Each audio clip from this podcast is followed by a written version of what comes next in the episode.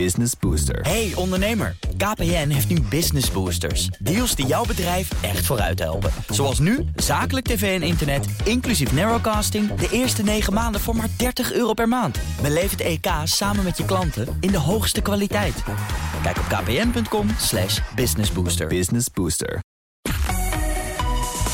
BNR Nieuwsradio. De AEX-factor. Wesley Weerts. Jelle Maasbach. Welkom, je luistert naar de AX Factor, de podcast voor de slimme belegger. Elke week weer een nieuwe gast die je bijpraat over de beurzen, beleggen en vermogen opbouwen. En in deze aflevering is dat niemand minder dan Jos Versteeg van Insinger Gillissen, terug uit Italië. Jos, welkom. Dankjewel. Goed dat je er bent. Corona, inflatie en een tekort aan alles. De problemen zijn immens, maar de beurzen beleefden een topjaar. De winst komt voor een groot deel van Big Tech. En dan hebben we het over Facebook, Microsoft, Amazon, Tesla, Google en, jawel, Apple. En daar draait deze aflevering om. De winnaars van vorig jaar. Maar ja, er kan natuurlijk maar één iemand echt de winnaar zijn. En daarom, Jelle, heb ik, eh, en dat weet jij niet, een lijstje meegenomen met eh, de grootste stijgers van afgelopen jaar. Eh, en ik ben wel benieuwd of jij weet of denkt te weten wie er bovenaan het lijstje staat. Welk techfonds presteert het beste afgelopen jaar? Ik ga nog niet naar Jos kijken, want die weet sowieso het antwoord. Maar, en ik ben ook niet zo goed de wedstrijdjes. Ik denk, maar het zal wel niet goed zijn, Apple. Nou, tromgeroffel. Maar het is niet goed. nee, het is, uh, het is niet goed. Sorry. Maar ik snap het wel, want ja, Apple die stond natuurlijk deze week ook in de belangstelling omdat ze dat uh, record braken. Uh, maar het is niet Apple, nee, het is Alphabet, hè, de, de Google-moeder die het best presteerde, of in ieder geval het hardste groeide. 65% steeg het aandeel. Microsoft die deed het ook heel goed, sloot het jaar af met een plus van 51%. Apple alsnog een net resultaat, ongeveer een derde hoger. Um, maar wat opviel was Amazon, want die blijft achter. Dat aandeel dat steeg maar 2% En dat is wel opvallend. Jos, heb je daar een verklaring voor? Hoe komt dat dat die achterblijft nee, Ik heb eigenlijk niet zo'n idee van waar het nou door komt. Ik zie het wel heel veel in de lijstjes staan voor volgend jaar. Heel veel mensen zijn enthousiast over, over Amazon. Zo van ja, het is een beetje achtergebleven. Dus dan moet ze het nu wel goed gaan doen. Dat lijkt onterecht. Zo van ja, die kan wel weer wat, uh, wat inhalen. Ik kan me herinneren dat ze in het jaar wel een paar keer een iets wat, wat zwakke verwachting afgaven. Of dat het ietsjes tegenviel, uh, de cijfers. Maar echt een, een fundamentele oorzaak zit er niet aan. Uh, bovendien kijken wij eigenlijk niet heel erg op een jaar, maar op veel langere uh, termijn. Hè? Mm -hmm. Dus uh, ja, dan kan het makkelijk zijn dat een aandeel, als je eens een keer. Daarvoor is het natuurlijk heel goed gegaan. Dat ze dan een keer een, een paar maanden achterblijven. Zeker als je dan eens een keer met je cijfers ietsjes tegenvalt. En ja. we weten dus niet per se, per se, waarom Amazon het zo slecht heeft gedaan. Maar Alphabet, dat steekt er wel bovenuit. Nou ja, Weet dat, jij waarom dat die het zo goed hebben gedaan? Het omgekeerde van Amazon, want Alphabet kan ik me herinneren, was het jaar daarvoor uh, deden ze het uh, Ah. er, erg zwak. Er gebeurde er niet zoveel. Dus dat, het is toch een beetje stuivertjes wisselen met die bedrijven. Ik denk dat ze het allemaal, als je op wat langere termijn kijkt, gewoon allemaal goed doen. En af en toe is er een keer eentje die een paar kwartalen tegenvalt qua performance. En misschien ook wel onderliggend.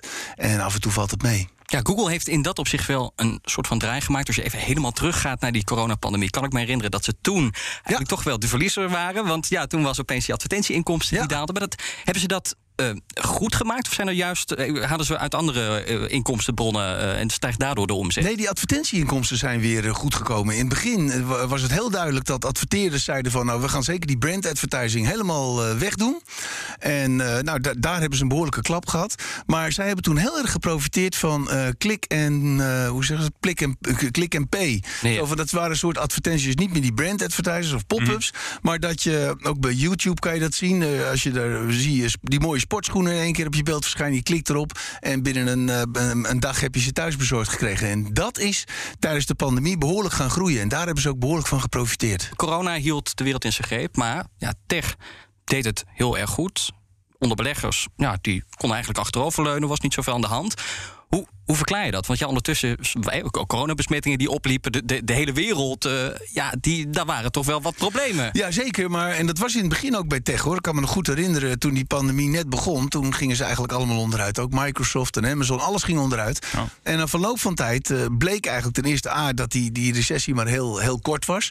Maar wat eigenlijk veel belangrijker was, en dat uh, verwoordde de topman van, van Satya Nadia van Microsoft heel goed. Die zei van ja, die pandemie heeft eigenlijk heel veel versneld. Heel veel ontwikkelingen die al onderliggend aanwezig waren, zijn door die pandemie veel meer eh, naar voren gekomen. Onder andere dus het thuiswerken, op afstand werken, uh, met je beeldscherm werken. Al, al meer, ik denk al wel meer dan tien jaar kon je met je collega's beeldbellen. Maar niemand had er zin in. En door die pandemie werden we gedwongen. En ja, ik moet zeggen, het begint nu een beetje te werken. En Microsoft heeft bijvoorbeeld ook heel slim op ingespeeld door Teams zo snel op te tuigen. Straks bespreken we of je als belegger weer kunt rekenen op een topjaar voor Big Tech. Maar we beginnen met het belangrijkste beursnieuws van de afgelopen week. Want het was de week waarin corona natuurlijk het nieuws domineerde. De omzetschade voor winkeliers ligt na bijna drie weken sluiting op zo'n 2 miljard euro, heeft in retail berekend. Extra online bestedingen en click-and-collect mogelijkheden zorgen volgens in retail bij lange na niet voor voldoende compensatie. Maar ook Elon Musk zorgde voor commotie toen hij een Tesla-showroom opende in de Chinese regio Xinjiang. The international community, including the public and private sectors, cannot look the other way when it comes to what is taking place in Xinjiang. As we've said before, companies that fail to address forced labor in the supply chains, in their supply chains and other human rights abuses, face serious legal, reputational and customer risks, not just in the United States, but in Europe and around the world. En we blijven even in China, want er was heel veel nieuws over Evergrande. Zo zag de vastgoedreus zijn omzet met 40% kelderen. Not surprising, of course. Uh, the sales really tanking uh, following the liquidity woes really escalating from October. In fact, December contracted sales fell 99% year over year. For the full year, we got the calculations of about a 39% fall. En in tegenstelling tot Evergrande gaat het Apple wel voor de wind, in ieder geval op de beurs, want de iPhone-maker brak een record. Apple hitting a 3 trillion dollar market cap. If we see the same amount of growth that Apple uh, had last year, this year, we're talking not a company approaching 3 trillion dollars, but a company that hit 4 trillion dollars. Tesla-baas Elon Musk houdt wel van een potje ruzie. Lag hij vorige week nog in de clinch met China door alle satellieten die hij de ruimte inschiet. Nu heeft Musk het aan de stok met Amerika. Ja, reden is dus de opening van een Tesla-showroom in de Chinese regio Xinjiang. Dat is de regio waar China volgens het Westen op grote schaal de mensenrechten schendt. En dan specifiek van de Oeigoeren. Nou, Amerika die spreekt zelfs van uh, genocide. En als je ja, dat soort woorden in de mond neemt, dan ligt het redelijk voor de hand dat de kritiek op Musk nu ook niet mals is. Musk wordt uh, zelfs verweten dat hij medeplichtig is aan genocide. Want ja, zijn Tesla die doet zaken in Xinjiang. En ja, China daarentegen, ja, die is wel blij met de komst van Tesla en die showroom daar. Ja, Jos, het is uh, haast onmogelijk om twee van die grootmachten tevreden te houden: China ja. en, en, de VS. Ja. Maar om dan de VS uh, zo uh, tot een vijand te bestempelen, dat lijkt me ook weer niet heel erg handig, toch? Nee, maar ik moet zeggen dat het uh, akkefietje van Tesla natuurlijk anders is dan die katoen-inkopers. Hennes en Maurits, Burberry en Nike ook onder andere. Die hebben gezegd, nou wij boycotten Xinjiang. En dat vind ik eigenlijk wel heel goed dat ze dat, dat, ze dat doen. En Tesla ligt natuurlijk iets anders, want die koopt niet uh, direct van slavenarbeid uh, geproduceerde katoen. Uh, die hebben gewoon alleen maar gezegd van openen daar een winkel. Dus ja, dat vind ik dan minder erg. Ik bedoel, een Oeigoer moet ook in de Tesla kunnen rijden, toch? Maar, maar goed, de, ja, dat, de, daar, daar zit ik niet zo heel erg mee. Maar ja, het maakt het leven soms wel, wel lastig. Ik, ik moet dan vooral denken aan Apple, wat ook ontzettend afhankelijk is van China. He, 20% van de omzet komt uit, uit China. En vrijwel alle iPhones worden in China gemaakt. Dus nou, daar zie je wel dat die relatie ook wederzijds is. Uh, ik geloof dat er bijna een miljoen mensen aan Apple-producten in China werken. Uh, Apple is tegenwoordig de, de, meest gevraagde telefoon weer in, in China. Die hebben Vivo weer ingehaald. En ja, de Chinezen willen ook gewoon een Apple. Dus als je als de Chinese overheid gaat zeggen... nou, we gaan dat blokkeren... ja, dan komt de bevolking ook in opstand. Die willen dat er liever ook niet. Dus... Maar wij hebben het wel heel vaak hè, over duurzaam beleggen. Ik snap dat dat belangrijk is. We hebben het ook over ethisch beleggen. Dat is waar strafkampen staan. Naar verluid zijn er een miljoen van die mensen zijn daar opgesloten. Ja. In ja. omstandigheden die schijnen nog erger te zijn dan uh, de Joden in de Tweede Wereldoorlog. Ja. Dan kan ik me ook al, als je dat allemaal van tevoren weet, waarom open je dan net daar nou ja, een, dat is ook niet handig. Nee, dat is ook niet handig. Nee, dat zou ik ook zelf uh, niet zo snel aanraden om te doen, inderdaad. Nee. Maar ik wilde alleen maar, het is, iets, het is nog iets anders dan dat je uh, katoen inkoopt van mensen die als slaaf zijn behandeld om, uh, om die katoen te produceren. Ja. Da dat verschil wilde ik Maar ik hoorde ook een beetje bij jou in van het is zo'n belangrijke markt. Dan neem je de kritiek vanuit het Westen misschien wel voor lief. Als, nou, als, dat zou ik niet te hard zeggen. Nee, nee, nee. Ik heb er zelf heel veel moeite mee met, met bedrijven. Ook die techbedrijven uh, die, die uh, de Chinezen zelf ook in de gaten houden. Uh, Tencent met WeChat. WeChat die, waar de Chinese overheid gewoon meeleest en iedereen bespioneert. Mm. Nee, ik heb daar grote. mo- Ik, ik heb vaak bij eh, eh, duurzame beleggingen kom- komt Tencent er nog redelijk uit, geloof ik. Maar eh, ja, daar wordt, de, daar wordt de kritiek nu ook groter. En ja, wij zijn zelf heel secuur ermee. We echt een bedrijf wat, wat niet door de ESG-normen komt, daar beleggen we niet in. En, of, en als het gebeurt met een bedrijf dat we in portefeuille hebben, verkopen we. Nee, ik ben er zelf heel, heel, heel direct op. Jij bent ook in China geweest. We weten, als je om je heen kijkt, zie je op elke hoek van de straat zie je een camera dat je in de gaten gehouden wordt. Ja. is niet zo prettig allemaal. En je hebt altijd het gevoel, tenminste altijd, ik ben er vier keer geweest, dat je eh, achtervolgd wordt door eh, dan wel politieagent, dan wel een, eh, een undercover. Hey, terug naar eh, Tesla. Ik kan me voorstellen dat het wel wat gaat betekenen voor Tesla zelf. Of het is een eh, storm in een glas water en het, het waait weer over.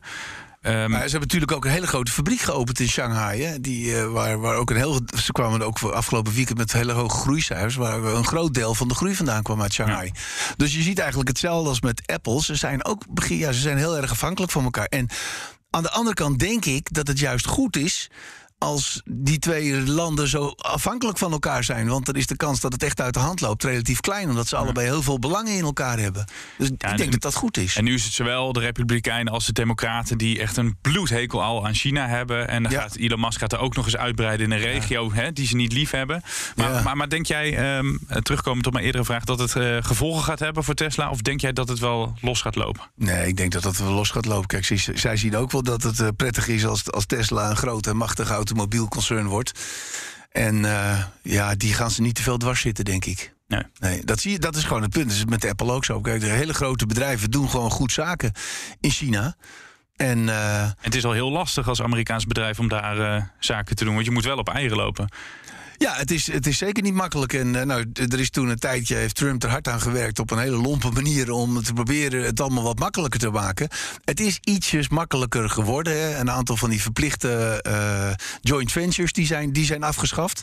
Dus dat is goed. Dus eh, ik denk dat ze er heel hard aan moeten werken om ja, samen te werken. En, en, en echt dat isoleren van China, volgens mij heeft dat een averechts effect. Ja, maar Jos, jij gaf net ook al aan Intel, H&M, Nike, die waren eerder ook de klos, want die hadden Ja. kritiek geuit op China. Nou, daarna hebben ze de keutel weer ingetrokken toen China weer kritiek had op hun kritiek op China. Ja, ja. Eh, dus is het niet uiteindelijk onvermijdelijk dat je eh, ja, een, een, een kant kiest? Want ja, als je iedereen probeert tevreden te houden, ja, dan hou je uiteindelijk misschien helemaal niemand tevreden. Ja, zeker grote bedrijven kunnen dat niet meer. Die zijn gewoon te eh, geïntegreerd in China. Dus die, ja, die, die moeten een beetje toch in balans houden en, en, en er doorheen jong leren. En dan zal de, keer de een wat beginnen te roepen en dan, dan de andere begint ook wat te roepen. Maar na verloop van tijd eh, gaat het gewoon weer verder zoals het altijd was. Ja, dan gaan we naar de problemen bij Evergrande. Want die blijven zich daar opstapelen. Stilgelegde aandelenhandel, protesterende beleggers, kelderende verkopen. En tot overmaat van ramp kreeg de vastgoedreus het bevel om binnen een paar dagen 39 splinternieuwe woontorens af te breken. En dan moet je je bedenken dat ze gewoon nog bezig waren met de bouw van die torens. Een heel lijstje, zeker als je bedenkt dat dit allemaal deze week is gebeurd. Die 39 gebouwen moet Evergrande overigens slopen, omdat de vergunningen niet op orde zijn. Dat is natuurlijk extra pijnlijk, omdat het bedrijf die opbrengst wilde gebruiken om schuldeisers te betalen. En dan moet je dus alles tegen de vlakte aan eh, gooien. Ja, en binnen tien dagen dus. Ehm, nou, er is denk ik, als je dat binnen zo'n korte tijd wil doen, een, een flinke lading springstof voor nodig. Of ja, een andere optie is eh, het gebouw baksteen voor baksteen uit elkaar halen. Maar ja, dan duurt het maanden voordat je zover Dat is bent. voornamelijk beton hoor. Ja, ja, nou ja, dan, moet je, dan moet je het Ja. nou, wel eh, inderdaad opblazen. Maar Jos, die, die methode van baksteen voor baksteen ontmantelen... dat lijkt wel een beetje de methode te zijn die China eh, gebruikt... om Evergrande helemaal te ontmantelen. Blij- blijft er iets van over straks? Nou, ik denk, eh, ja, er zal uiteindelijk wel wat van overblijven. Maar dit zal een hele lange ontman heel lang ontmantelingsproces eh, worden, denk ik. Het is een verschrikkelijk groot bedrijf. Hè? Ze hebben 800 projecten in 230 steden, heb ik nog eens even nagezocht. En ze hebben een totale aantal verplichtingen van 2 biljoen. Dus 2% van het GDP. Dus het is een gigantisch bedrijf. En het zit diep in de schulden. En dat wist iedereen al jaren. Dus ja, wat dat betreft is het ook niet echt een verrassing dat dat een keer misging. We hadden het net over, jij bent ook in China geweest, dus je hebt het ook gezien. De Chinezen noemen het scars, hè, littekens in de steden. Want eh, sommige steden hebben ook in de binnenstad... daar staan gigantische lege woontorens, zitten geen eens ramen in. Ja. En als je het ziet, je schrikt je kapot. Het is echt onvoorstelbaar. En zeker als je met de trein van, van Beijing naar Shanghai gaat... dan rij je soms minutenlang door wijken waar alleen maar lege flats staan. Dus Ja. je voelt op je klompen aan dat dat een keer niet goed gaat. En Kijk, het heeft heel veel welvaart gebracht in China. Hè. Die, die eh, zeker lokale overheden hebben heel veel geld verdiend met de verkoop van land. En elke keer ja, werd die grond verkocht tegen mooie prijzen. Nou, projectontwikkelaars wil- konden daar projecten op zetten. De Chinezen waren blijkbaar altijd bereid om te kopen, want ze konden niet in veel andere dingen beleggen. Dus zo is dat opgeklopt. En nu ziet China van dat het niet meer verder kon. Heel voorzichtig proberen ze het eh, te ontmantelen. Ja, want waarom doen ze dat? Ze Nou, hebben het- reden voor. Want wat Ja. gebeurt er als ze dat niet zo voorzichtig doen? Nou, dan krijg je een nog grotere schuldexplosie. hè dus eh, kijk, uiteindelijk zag de Chinese over het ook wel van de, de- dat Evergrande zijn schulden, zijn verplichtingen niet meer kon nakomen. Dus als je, dan, eh, als je dan maar door blijft gaan, dan wordt het probleem alleen maar groter. Dus ze proberen nu heel voorzichtig de zaak te ontmantelen. En ja, het een beetje bij de banken eh, weg te schuiven. Hè. Van, de week was er een bericht dat de, de, Chinese overheid nu zegt van tegen banken, dat gaat in Chi- in China heel anders dan in Amerika. Tegen de banken van ja, jullie moeten wel blijven lenen aan die en die projecten. Want sommige projecten, kijk, die mensen die hebben een huis gekocht, die hebben al eh, vo- vooruitbetalingen gedaan. En het huis wordt niet afgebald. eh, Of, of moet inderdaad steen voor steen afgebroken worden. Maar de, de vrees was eerst dat Evergrande een beetje het Chinese Lehman Brothers zou kunnen worden. Maar grote paniek bleef volgens nog uit. Kan het wel nog zo zijn dat dat uiteindelijk een hoop slachtoffers gaat maken? Die langzame ondergang van Evergrande. Nou ja, en voor China is het wel een, een nachtmerrie. Want omdat er zoveel verplichtingen zijn hè, voor eh, mensen die een huis gekocht hebben, voor bouwers, voor banken. dus dat is wel een groot probleem. Voor de internationale wereld denk ik minder. Dat zijn heel weinig dollarleningen. Dus je zit ook niet zo erg bij eh, internationale beleggers. En er is ook niet zo heel veel met geleend geld gekocht. Eh, veel mensen hadden gewoon dat geld liggen en die hebben daarmee een, een huis gekocht. Dus en dan heb je ook nog eens een keer in China dat het wat allemaal wat geleidelijker afgebouwd kan worden. Dus ik heb wel het idee dat dit niet tot een, een, een, een grote schuldenexplosie of zo zal leiden. Gelukkig maar. Big Tech dan was de grote reden voor het beursfeestje vorig jaar. We hadden het er net al over. Facebook, Microsoft, Amazon, Tesla, Google en Apple. Die bedrijven zorgden er mede voor dat de beurs wereldwijd een topjaar beleefde. Ondanks zaken als corona en inflatie. Ook veel besproken hier in de AX-factor. En over die eh, beurswinnaars gaan we het in deze aflevering hebben. Want kan Big Tech zich opmaken voor weer een topjaar? Nou, eh, Jos, deze week was Apple zelfs heel eventjes eh, 3000 miljard dollar waard. Daarmee is het eerste techbedrijf eh, dat door die grens is gegaan.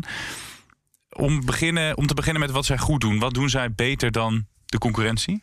Nou, in de eerste plaats is, is Apple is gewoon heel sterk eh, in, zijn, in zijn marketing en zijn merknaam. Eh, dat doen ze gewoon ijzersterk. Eh, zij verdienen verreweg het meeste op een telefoon.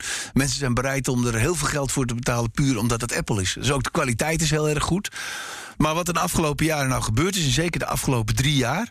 is dat het aanvankelijk was het een iPhone-producent... die afhankelijk was van die cyclus van de vernieuwing van je iPhone. Ja. En in de afgelopen drie jaar is de, de, de wearables heel erg gegroeid. Hè? De, de Apple Watches. Met geloof ik 30% eh, compound average growth rate, jaarlijkse groei. Maar ook de services, de diensten, de iTunes, eh, de fitness, noem maar op. Dat is ook heel sterk gegroeid. Dat is een beetje met 20% eh, gegroeid gemiddeld per jaar. En die twee eh, eh, divisies samen zijn nu zo'n beetje 30% van de totale omzet van Apple. En dat heeft, hele hoge marges. En is ook nog eens een keer veel stabieler. En het gevolg daarvan is dat eigenlijk ja, die, die Apple is, begint een heel ander bedrijf te worden. Met, met een stabielere groei en ook eh, hogere winstge- nog hogere winstgevendheid. En daardoor zag je bijvoorbeeld dat niet alleen de de omzet en de winstgroei heel erg goed was de afgelopen jaren. Maar daarbij kwam ook nog eens keer die multiple die je verhoogde. hè. Die was drie, vier jaar geleden was dat ongeveer 15 keer de winst. En nu is het 25 à 30 keer de winst. Dus ja, zo eh, gaat het natuurlijk extra hard. En dan zit je zo op de 3 biljoen. En helemaal als je het zo vertelt, dan denk ik altijd: Apple is geen Nokia. Nokia was natuurlijk eh, heer en meester met verkoop van die mobieltjes. Ja. En toen in één keer dachten we: oh, die mobieltjes, eh, ik heb geen zin in dat toetsenbord. En daarna klapt het hele bedrijf. In Apple, ook al zouden ze veel minder iPhones gaan verkopen, dan hebben ze gewoon nog veel meer takken van sport waar ze op kunnen Ja, ze hebben eigenlijk dat, dat ecosysteem hè, van die meer dan 1 miljard iPhones. En over die iPhones proberen ze dan extra omzet te halen door daar diensten over te verkopen. En ja, ik las vanmiddag nog een verhaal in The Economist daarover. Eh, ze zitten dus onder andere in eh, muziek hè, met iTunes. Maar het is eigenlijk voor Apple een hele kleine markt. Kijk, Apple, Apple zet eh, 350 à 400 miljard om per jaar. Eh, de hele muziekmarkt is 22 miljard. Dat is eigenlijk maar heel klein voor Apple. Maar aan de andere kant is het wel, ja, het maakt je heel hip. Hè, als je met artiesten eh, reclame kan maken. Het, het, het, het, het leidt tot extra eh, kracht van, de- van, van de merknaam. En eh, dat, ja, ik denk dat dat handig is van Apple. Dat doen ze handig. Ja, maar Jelle, jij zegt net, het is niet de, de, de, vol- de volgende Nokia. Maar wat ik wel een beetje, als ik kijk naar de afgelopen jaren... toen Steve Jobs er nog was, had je die iPad, die grote presentaties. De iPhone was echt iets baanbrekends. Maar dat soort radicale innovaties... Ja, die heb ik het afgelopen jaar niet gezien. Dus heb je die niet juist nodig om succesvol te blijven? Die, die zijn er niet inderdaad, maar er komt wel een nieuwe revolutie aan. De metaverse hè, zijn we mee bezig. Eh, virtual reality, augmented reality.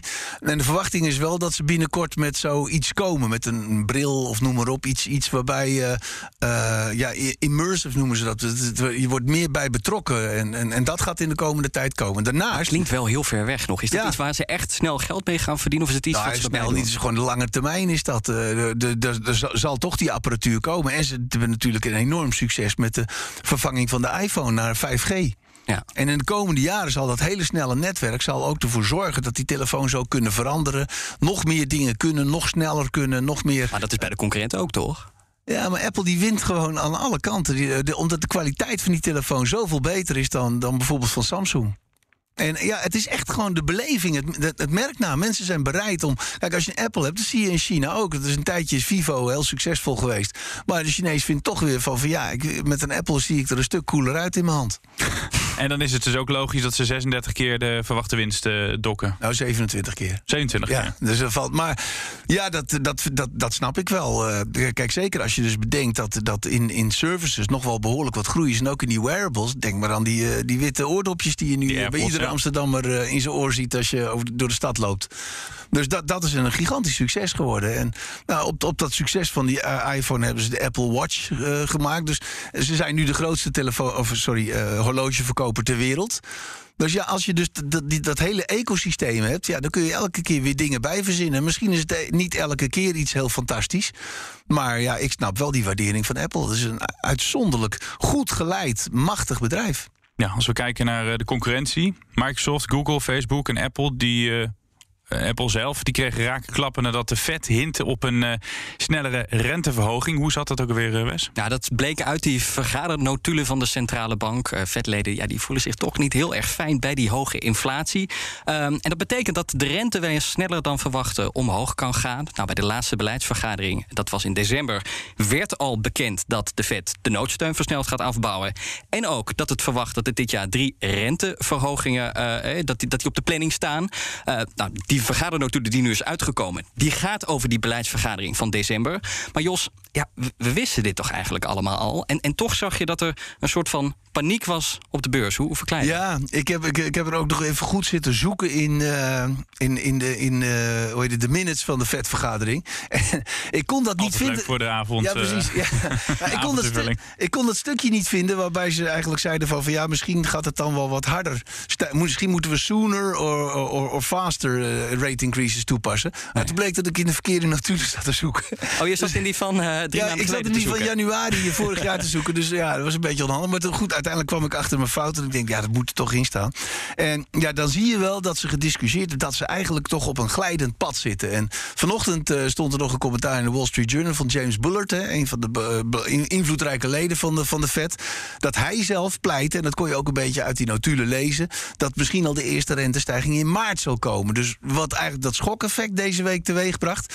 was van, van ja, het kan eerder en sneller gaan. En, maar we wisten al inderdaad dat het niet meer het eerste kwartaal van 2023 zou worden... maar juni. Maar nu zie je al dat er een aantal neigen naar maart. Dat Dit het was zeker wel de juiste notulen, hè? Dat was de goede. Ja, nee, dat was de goede. Gecheckt. Nee, oké. even corrigeren.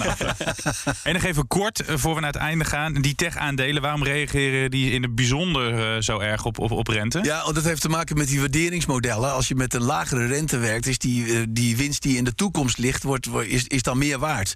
En als de rente wat stijgt in je model, dan, dan, dan heeft dat wel een negatief effect inderdaad. Dus dat is één, één effect. Aan de andere kant, ja, zou ik me ook niet al te veel druk maken. Want wij verwachten niet dat die rente nou zo heel erg stijgt. We zitten nu, eh, vandaag, ik weet niet hoe het nu is, maar vanochtend was het nog 1,7 procent. Nog onder het niveau van de, de hoogtepunt van vorig jaar, 31 maart. 1,74 uit mijn hoofd. Eh, ja, misschien gaan we naar de 2 procent. Maar echt een hele felle re- rentestijging zien we niet. En als je kijkt naar de toekomst van tech, wat er allemaal gaat veranderen, zeker met die 5G-netwerken, dan is dat een hele spannende toekomst met heel veel winstgroei voor die sector. Dus daar blijf ik echt absoluut enthousiast over. De AEX-factor. Wesley Weerts. Jelle Maasbach. Bij mij nog altijd Jos Versteeg van Insinger Gillissen. Ja, Jos, je had het net over die eh, renteverhogingen... en dat dat nou vaak slecht nieuws is voor eh, tech-aandelen. Uh, je legde die theorie uit, maar komt het in de praktijk niet gewoon heel vaak neer op gewoon een soort van Pavlov-reactie? Rente hoger, tech-aandelen verkopen en niet nadenken, gewoon doen. Ja, daar zie, je, daar zie je het vaak op. Je ziet het ook vaak als verklaring in de, in de pers. Je moet toch wat schrijven als je elke dag wat moet schrijven over de beurs. Uh, er zit dus wel een relatie in. Hè, in je model. Wij gebruiken zelf ook die, die, die DCF-modellen. En uh, ja, kijk, nu denk ik ook vaak van... ik weet niet waar we de analisten mee rekenen... met langere termijn uh, rente. Ja, de een rekent 6, 5, 4. Dat kan enorm verschillen natuurlijk. En het heeft ook een enorm effect op je, op, je, op je waardering. Aan de andere kant, wat je ook wel ziet... en dat zagen we de afgelopen weken ook van toen Omicron kwam. Toen dacht men van, ah, dan wordt het allemaal weer moeilijk. Er is er weinig groei. En juist in tech heb je nog groei. En als de markt wat enthousiaster wordt over groeiverwachtingen voor, uh, voor de, de, hele, hele beurs, mm -hmm. dan zie je ook dat, dat tech weer wat achterblijft. Van zo van ja, want dan uh, ja, daar, daar zit, dan, dan, is het ook nog weer ergens anders, zeg maar. Uh, dus niet meer alleen bij tech, want dan maakt men zich weer zorgen over de waardering.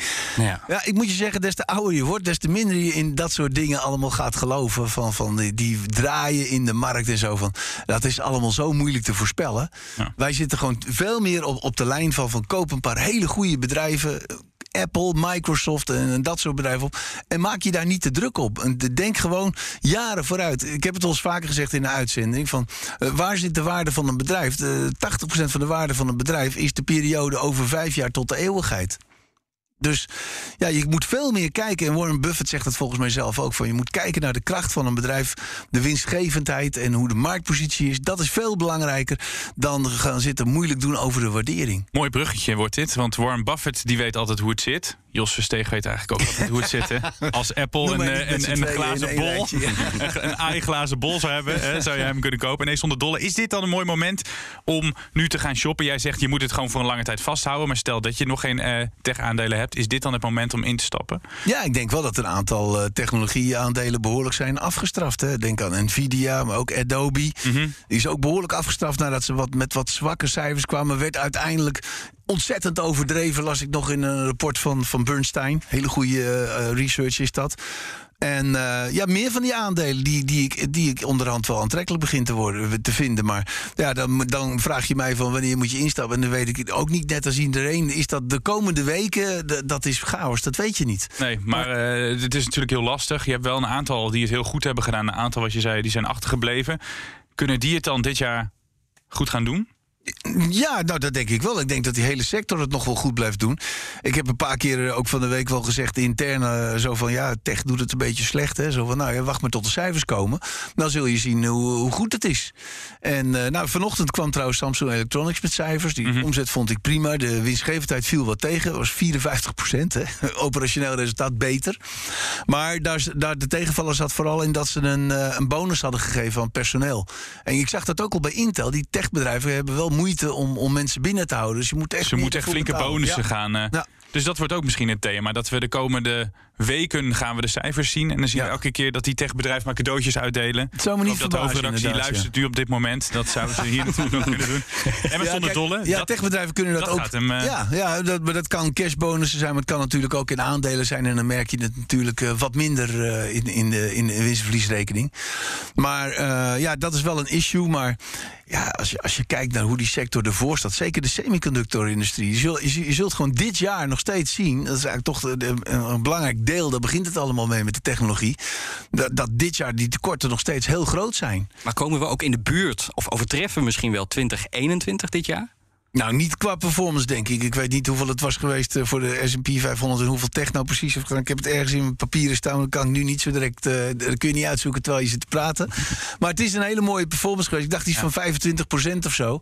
Ja, dat lijkt me sterk dat je dat elke keer gaat halen. Weet je, als analist zeg je dan meestal van uh, het wordt 10% als je het niet weet.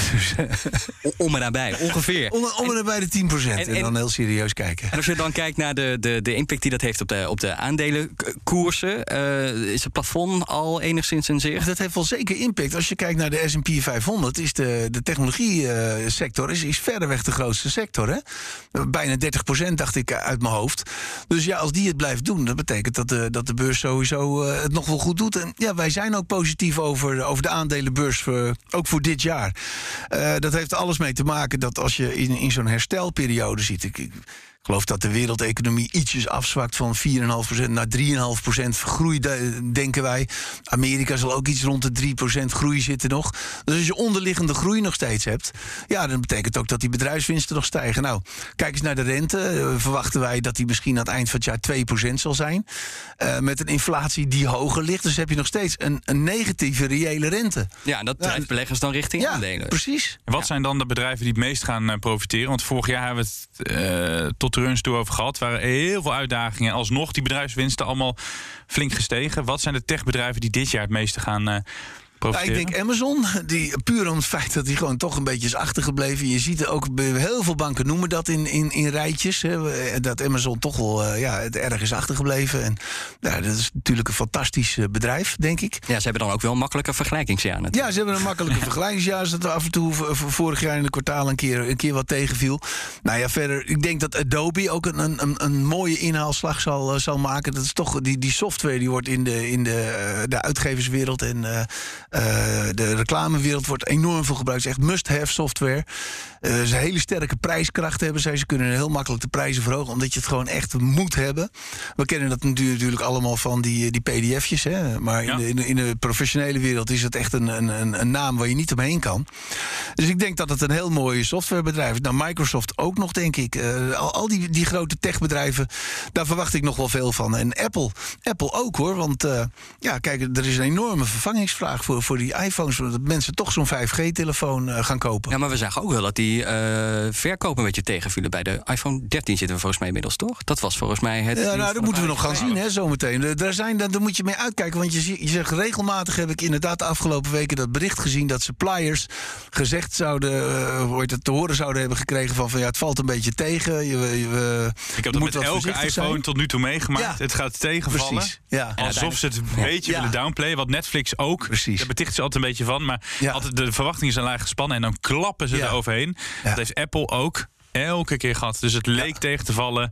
Hè, de productie werd teruggeschroefd. En dan klapten ze er Precies, daar moet je niet te veel op letten. Inderdaad, dat, uh, dat heb ik ook gezien, ja. Maar het terecht punt van uh, Wesley. Um, jij hebt, uh, Wes, in, eigenlijk van een lijstje gemaakt van wat was het jaar 2021. Hè? Ja, en dat jaar dat draaide om een aantal dingen. Ja, chiptekorten kwam net al aan bod. NFT's, de metawereld. Ja, je noemde het net ook al, Jos. Hè, die, die virtuele wereld waar al die bedrijven opeens in geloven. Dat waren de trends van 2021. Maar wat worden de trends voor dit jaar? Poeh. Ja, jij, ik ben jij, een onze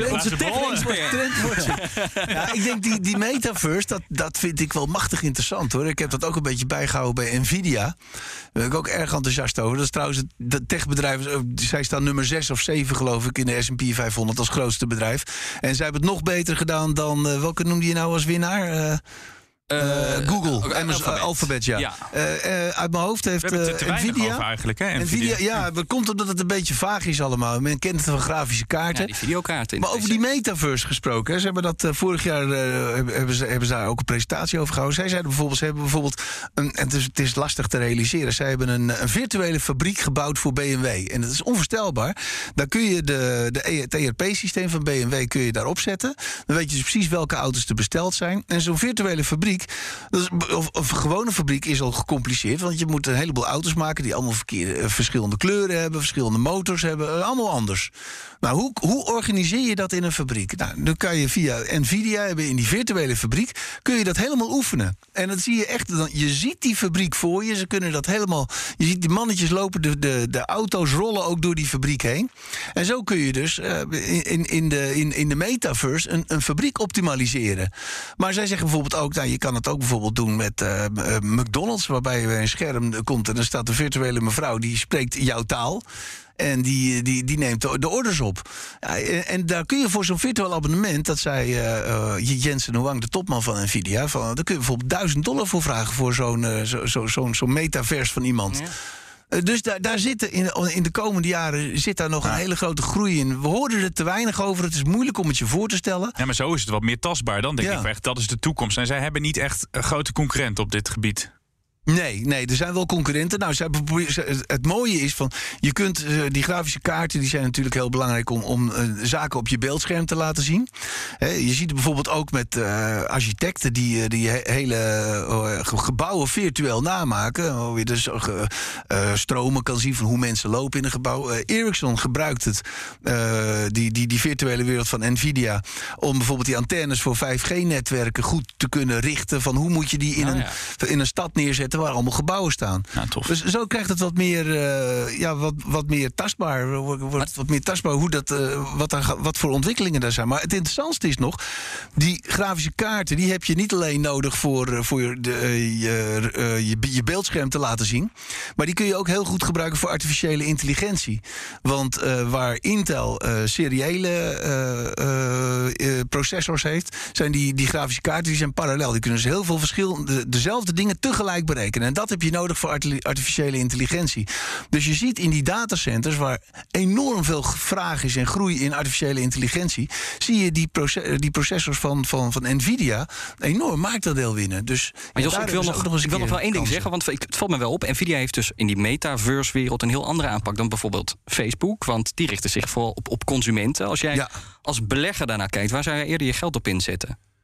Op Nvidia, zonder twijfel. Ik, denk, ik ben nou zelf ook wel enthousiast over, over Facebook. Hoewel ze met ESG niet zo'n hele hoge score eh, halen. Nee. Maar Nvidia, ja, dat is echt. eh, die, die, die, de waardering is, moet, moet je zeggen, eh, ja, die is wel hoog.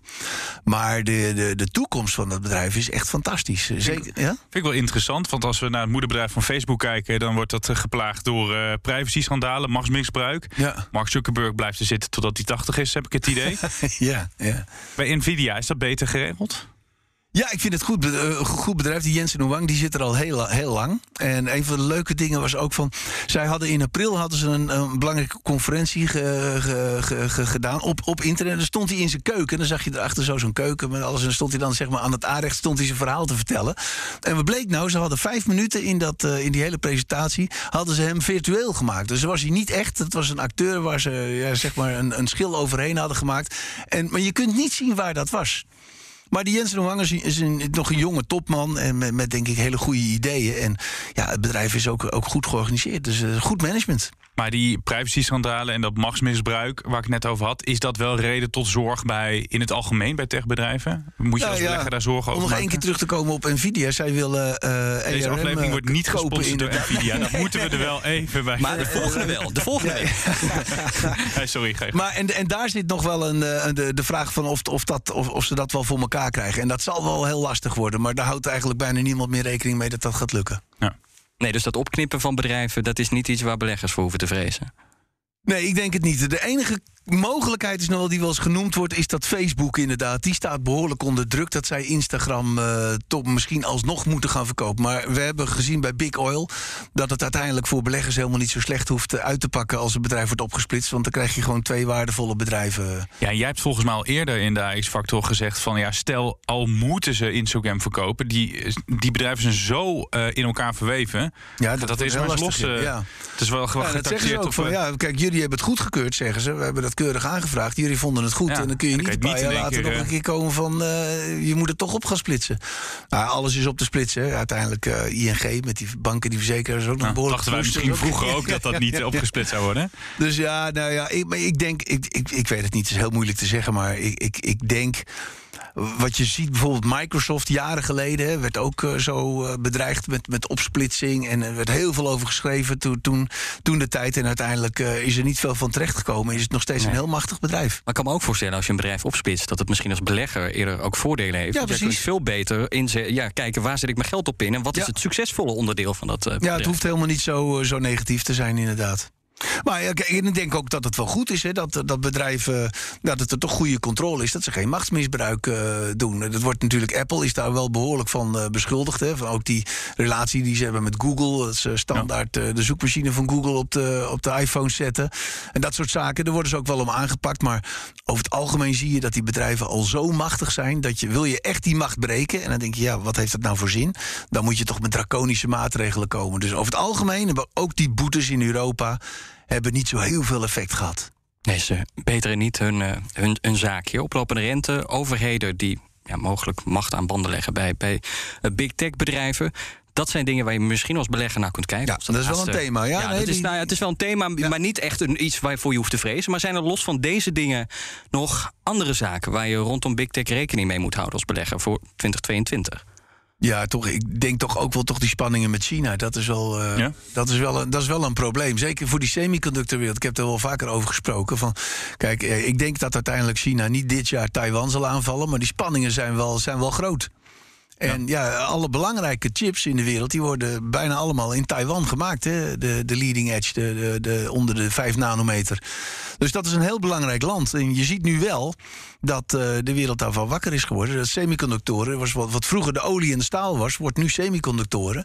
Dus die worden overal eh, gebouwd. In Europa nieuwe fabriek, in Amerika nieuwe fabriek. En op heel lange termijn krijg je hetzelfde als met de auto-industrie... en met de, sta en de staalindustrie. En eh, dat, kijk, olie, dat, dat zit nou helemaal ergens in de grond. Maar die industrie, die, eh, daar, daar krijg je structurele overcapaciteit. Maar zover is het nog lang niet. Maar op termijn zal dat wel gaan gebeuren. Omdat iedereen ziet van dat het heel belangrijk is... om je eigen semiconductorindustrie te hebben. Dus daar met China, ja, dat, dat, maak ik me wel zorgen over. Maar uiteindelijk eh, ja, denk ik wat ik net ook zei... Van dat, die, dat beide landen toch wel zien dat ze heel erg afhankelijk van elkaar zijn. En ja, als je dan probeert samen te werken... dan kom je een stuk verder dan dat je oorlog gaat lopen voeren. Ja, we zouden eigenlijk het familiediner moeten doen, maar dan voor eh, de VS en China. Je zou die twee het liefste bij elkaar willen hebben. Dan is een grote Ja. kopzorg voor beleggers is weggenomen. Ja, nou ja, je, Trump deed het op een hele lompe, slechte manier, Ja. vond ik. En, en, maar Biden is, is evengoed een, eh, een behoorlijke China-basher, hoor. Ja, die, eh, ja die, eh, die, is, die, die is nou niet echt veel veranderd. Eh, veel van die handelsbeperkingen staan nog steeds. Ja. Dus eh, wat dat betreft komt er niet veel verbetering. En de Amerikanen blijven heel erg achterdochtig naar China kijken. Waar ze ook wel enige reden voor hebben als je ziet hoe ze met Taiwan omgaan. Dus Nou, Jelle, het wel. jij mag, als het familiediner daar is, mag jij in ieder geval Bert van Leeuwen spelen. Lijkt mij heel leuk. Ja, en daarmee zijn we aan het einde gekomen van deze aflevering. Niet getreurd, er staan nog heel veel afleveringen die je kan luisteren. Abonneer je en je luistert automatisch volgende week weer naar de nieuwe. Bedankt aan onze gast Jos Versteeg van Nensingen Gillissen en eh, Wesley. eh, wij zijn er volgende week weer. Zeker. Tot dan. Business Booster. Hey ondernemer, KPN heeft nu Business Boosters. Deals die jouw bedrijf echt vooruit helpen. Zoals nu, zakelijk tv en internet, inclusief narrowcasting... de eerste 9 maanden voor maar 30 euro per maand. Beleef het EK samen met je klanten in de hoogste kwaliteit. Kijk op kpn.com slash businessbooster. Business Booster.